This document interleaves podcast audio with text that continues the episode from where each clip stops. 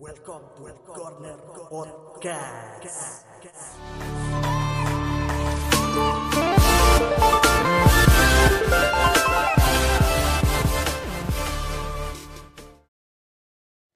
Halo guys, welcome back to Corner Podcast. Pada episode kali ini saya akan bercerita tentang bagaimana Chelsea bermain, bagaimana Chelsea menemukan performa terbaiknya di bawah uh, asuhan Thomas Tuchel. Kita tahu sendiri Chelsea sejak musim lalu, sejak pergantian pelatih dari Frank Lampard, lalu uh, digantikan oleh Thomas Tuchel, permainan Chelsea semakin meningkat dan puncaknya tentu Chelsea mampu menjuarai Liga Champions musim lalu setelah di partai final mengalahkan Manchester City 1-0 lewat gol Kai Havertz. Di musim baru ini Chelsea semakin kuat, komposisi skuad semakin merata, apalagi Chelsea kedatangan yang bisa dibilang kedatangan puzzle atau kedatangan kepingan yang hilang dari musim lalu. Chelsea membutuhkan striker yang mampu menjadi goal getter, mampu menjadi mesin gol, dan juga mampu menjadi tembok untuk membuka ruang bagi rekan-rekan di lini depan Chelsea. Chelsea mampu memulangkan Romelu Lukaku dari Inter Milan. Selain itu, Chelsea juga kedatangan gelandang asal Spanyol yaitu Saul Niguez. Serta Chelsea juga mm, mampu mengorbitkan pemain muda lagi yaitu yang berposisi sebagai back yaitu Koloba. Chelsea di awal Liga Inggris ini di lima pertandingan perdana mampu mengemas hasil empat kemenangan dan satu hasil imbang. Dan juga prestasi yang luar biasa Chelsea baru kebobolan satu kali. Itu pun lewat uh, titik putih yang dicetak oleh Muhammad Salah saat Chelsea ditahan imbang Liverpool di Anfield padahal kalau diingat saat itu Chelsea juga bermain dengan 10 pemain setelah Reece James mendapat kartu merah karena menghalau bola dengan tangan saat sebelum babak pertama selesai. Kalau bicara Chelsea, memang musim lalu juga menjadi apa istilahnya menjadi uh, favorit juara Liga Inggris saat masih dilatih oleh Frank Lampard mendatangkan Timo Werner, mendatangkan Harvard, lalu juga ada pemain-pemain yang sebelumnya sudah memperkuat Chelsea yaitu ada Christian Pulisic, ada juga N'Golo Kante, tapi justru Lampard tidak mampu memanfaatkan potensi-potensi dari pemain Chelsea itu. Akhirnya di tengah jalan Frank Lampard harus dipecat karena hasil buruk di Liga Inggris. Lalu datanglah Thomas Tuchel. Di Chelsea Thomas Tuchel menerapkan formula atau formasi yang berbeda, formasi yang mungkin sebelumnya di Chelsea sudah pernah kurang lebih sama dengan apa yang dilakukan oleh Antonio Conte itu bermain dengan tiga back, empat gelandang dan tiga penyerang. Tapi tentu ada perbedaan-perbedaan antara tiga back formasi ala Antonio Conte dengan tiga back formasi ala Thomas Tuchel. Untuk Conte sendiri memang saat itu masih ada sosok Eden Hazard yang menjadi motor serangan dan untuk Antonio Conte dan untuk uh, Thomas Tuchel sekarang lebih kepada uh, bagaimana tim ini terbentuk tidak hanya mengandalkan satu atau dua pemain tapi kolektivitas tim. Kalau bicara starting line up Chelsea musim ini tiga pemain belakang biasa diisi oleh Thiago Silva yang posisinya di tengah lalu di bagian kanan ada Anders Christensen, back di bagian kiri ada Antonio Rudiger, serta dua wing yang kadang ini menjadi senjata rahasia dari Tuchel, yaitu soal bagaimana formasi ini memainkan lebar lapangan dan mengeksploitasi ruang yang ditinggalkan oleh back sayap lawan ketika menyerang. Dan di formasi ini Thomas Tuchel langsung melakukan counter attack atau melakukan transaksi transisi sorry melakukan transisi dengan cepat yaitu dengan mengandalkan dua wingbacknya yaitu ada Cesar Aspilicueta yang biasanya bergandengan dengan Rhys James dan di sisi kiri ada Marcos Alonso yang biasanya bergandengan dengan Ben Chilwell. Lalu yang paling penting dari formasi ini tentu dua gelandang pivot atau dua gelandang uh, yang biasa dilakoni peran ini oleh Jorginho serta N'Golo Kante yang biasanya juga bergantian dengan Matteo Kovacic. Tentu dua gelandang ini, dua sosok ini yang mengisi lini tengah Chelsea sangat sentral sekali karena dua gelandang ini menjadi orang yang pertama melakukan serangan, mendistribusikan bola, mendistribusikan bola dan juga orang pertama yang menghentikan serangan lawan. Karena dua gelandang ini dituntut mempunyai daya jajah tinggi, dituntut mempunyai clearance yang bagus, dan juga tentunya dua gelandang ini mampu untuk melakukan build up dengan baik. Apa yang telah dilakukan oleh Jorginho bisa kita lihat sendiri. Pemain yang juga menjadi andalan di timnas Italia saat menjuarai Euro kemarin menjadi kunci bagaimana formula Tuchel ini berjalan dengan baik. Jorginho memang bukan tipe gelandang bertahan yang bermain keras, bermain uh, istilahnya bermain dengan langsung melakukan tackle, langsung melakukan duel, tapi dia lebih ke gelandang flamboyan yang menutup ruang antar lini dari serangan lawan.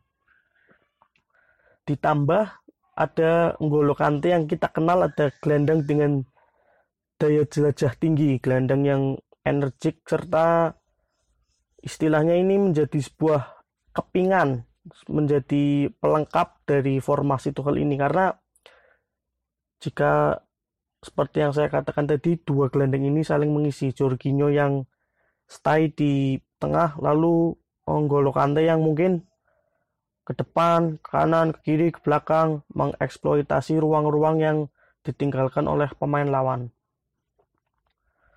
Lalu di pemain tiga di depan juga Tuchel biasanya sering melakukan rotasi. Tapi melihat pertandingan-pertandingan Chelsea sejauh ini mungkin pilihan utama Tuchel sering uh, diturunkan yaitu Mason Mount dan juga Kai Harvard berada di depan untuk melengkapi trio bersama Romelu Lukaku pemain yang ditantangkan Chelsea dari Inter Milan. Unik memang kalau kita bicara peran yang dijalankan oleh Mason Mount ataupun Kai Harvard. Dia memang sepintas dua pemain ini bermain agak melebar. Tapi justru praktik di lapangan dua pemain ini main agak ke tengah dan memanfaatkan ruang yang diberikan oleh Lukaku. Sehingga Chelsea ini memang sangat sulit untuk diredam karena di tengah rapat dan di lebar lapangan rapat karena dua back tadi yaitu Aspilicueta dan Marcos Alonso uh, sering kali juga mengeksploitasi sisi sayap. Sehingga permainan Chelsea ini sangat dinamis, sangat fit bahkan Guardiola pun kesulitan bagaimana cara mengatasi Chelsea di bawah asuhan Thomas Tuchel. Terbukti musim lalu Chelsea mampu mengalahkan Pep Guardiola eh, saat dilatih oleh Thomas Tuchel. Chelsea mampu mengalahkan Pep Guardiola tiga kali termasuk di final Liga Champions. Karena Pep Guardiola pun kebingungan ketika Pep Guardiola memutuskan untuk melakukan pressing, melakukan uh, counter pressing dengan mempressing tiga back Chelsea tersebut. Ada support dari dua wing back dan juga ada support dari dua gelandang yang biasa diisi oleh Jorginho maupun oleh N'Golo Kante. Sehingga pressing dari Pep Guardiola pun sangat-sangat tidak berhasil dan juga bahwa Thomas Tuchel ini mengaku justru apabila lawan melakukan pressing itu sama saja melakukan bunuh diri karena semakin Chelsea di pressing akan semakin leluasa untuk memanfaatkan ruang-ruang yang ditinggalkan oleh tim lawan. Ya memang faktanya seperti itu. Gol dari Kai Harvard di final Liga Champions juga menjadi bukti nyata bahwa betapa sulitnya melakukan pressing terhadap Chelsea. Saat itu Pep Guardiola melakukan pressing ketat, menginstruksikan pemain-pemainnya untuk pressing tinggi, namun Mason Mount mampu mencuri ruang, lalu langsung melakukan umpan terobosan kepada Kai Harvard. Di sini kita bisa melihat bahwa Manchester City terlalu melakukan high defense sehingga mampu dimanfaatkan oleh Chelsea dengan baik.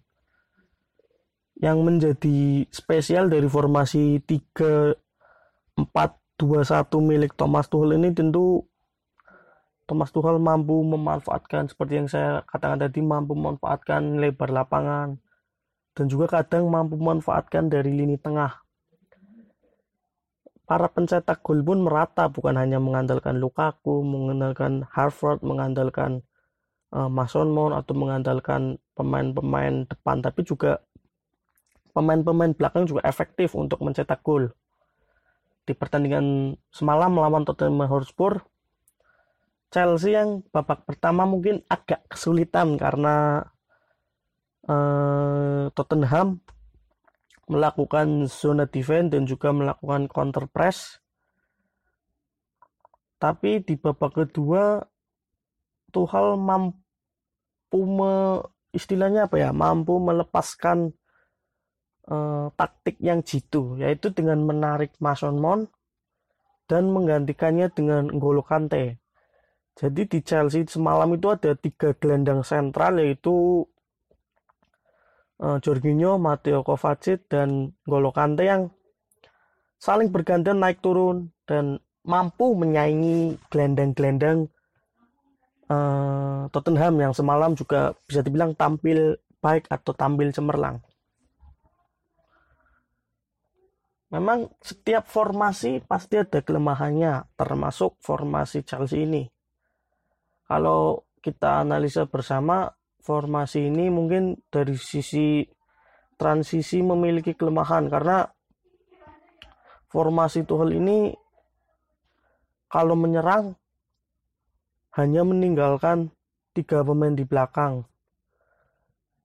Tentu ini harus uh, mampu dimanfaatkan oleh tim lawan dari Chelsea itu sendiri yang harus bisa memanfaatkan kelemahan dari formasi Thomas Tuchel ini.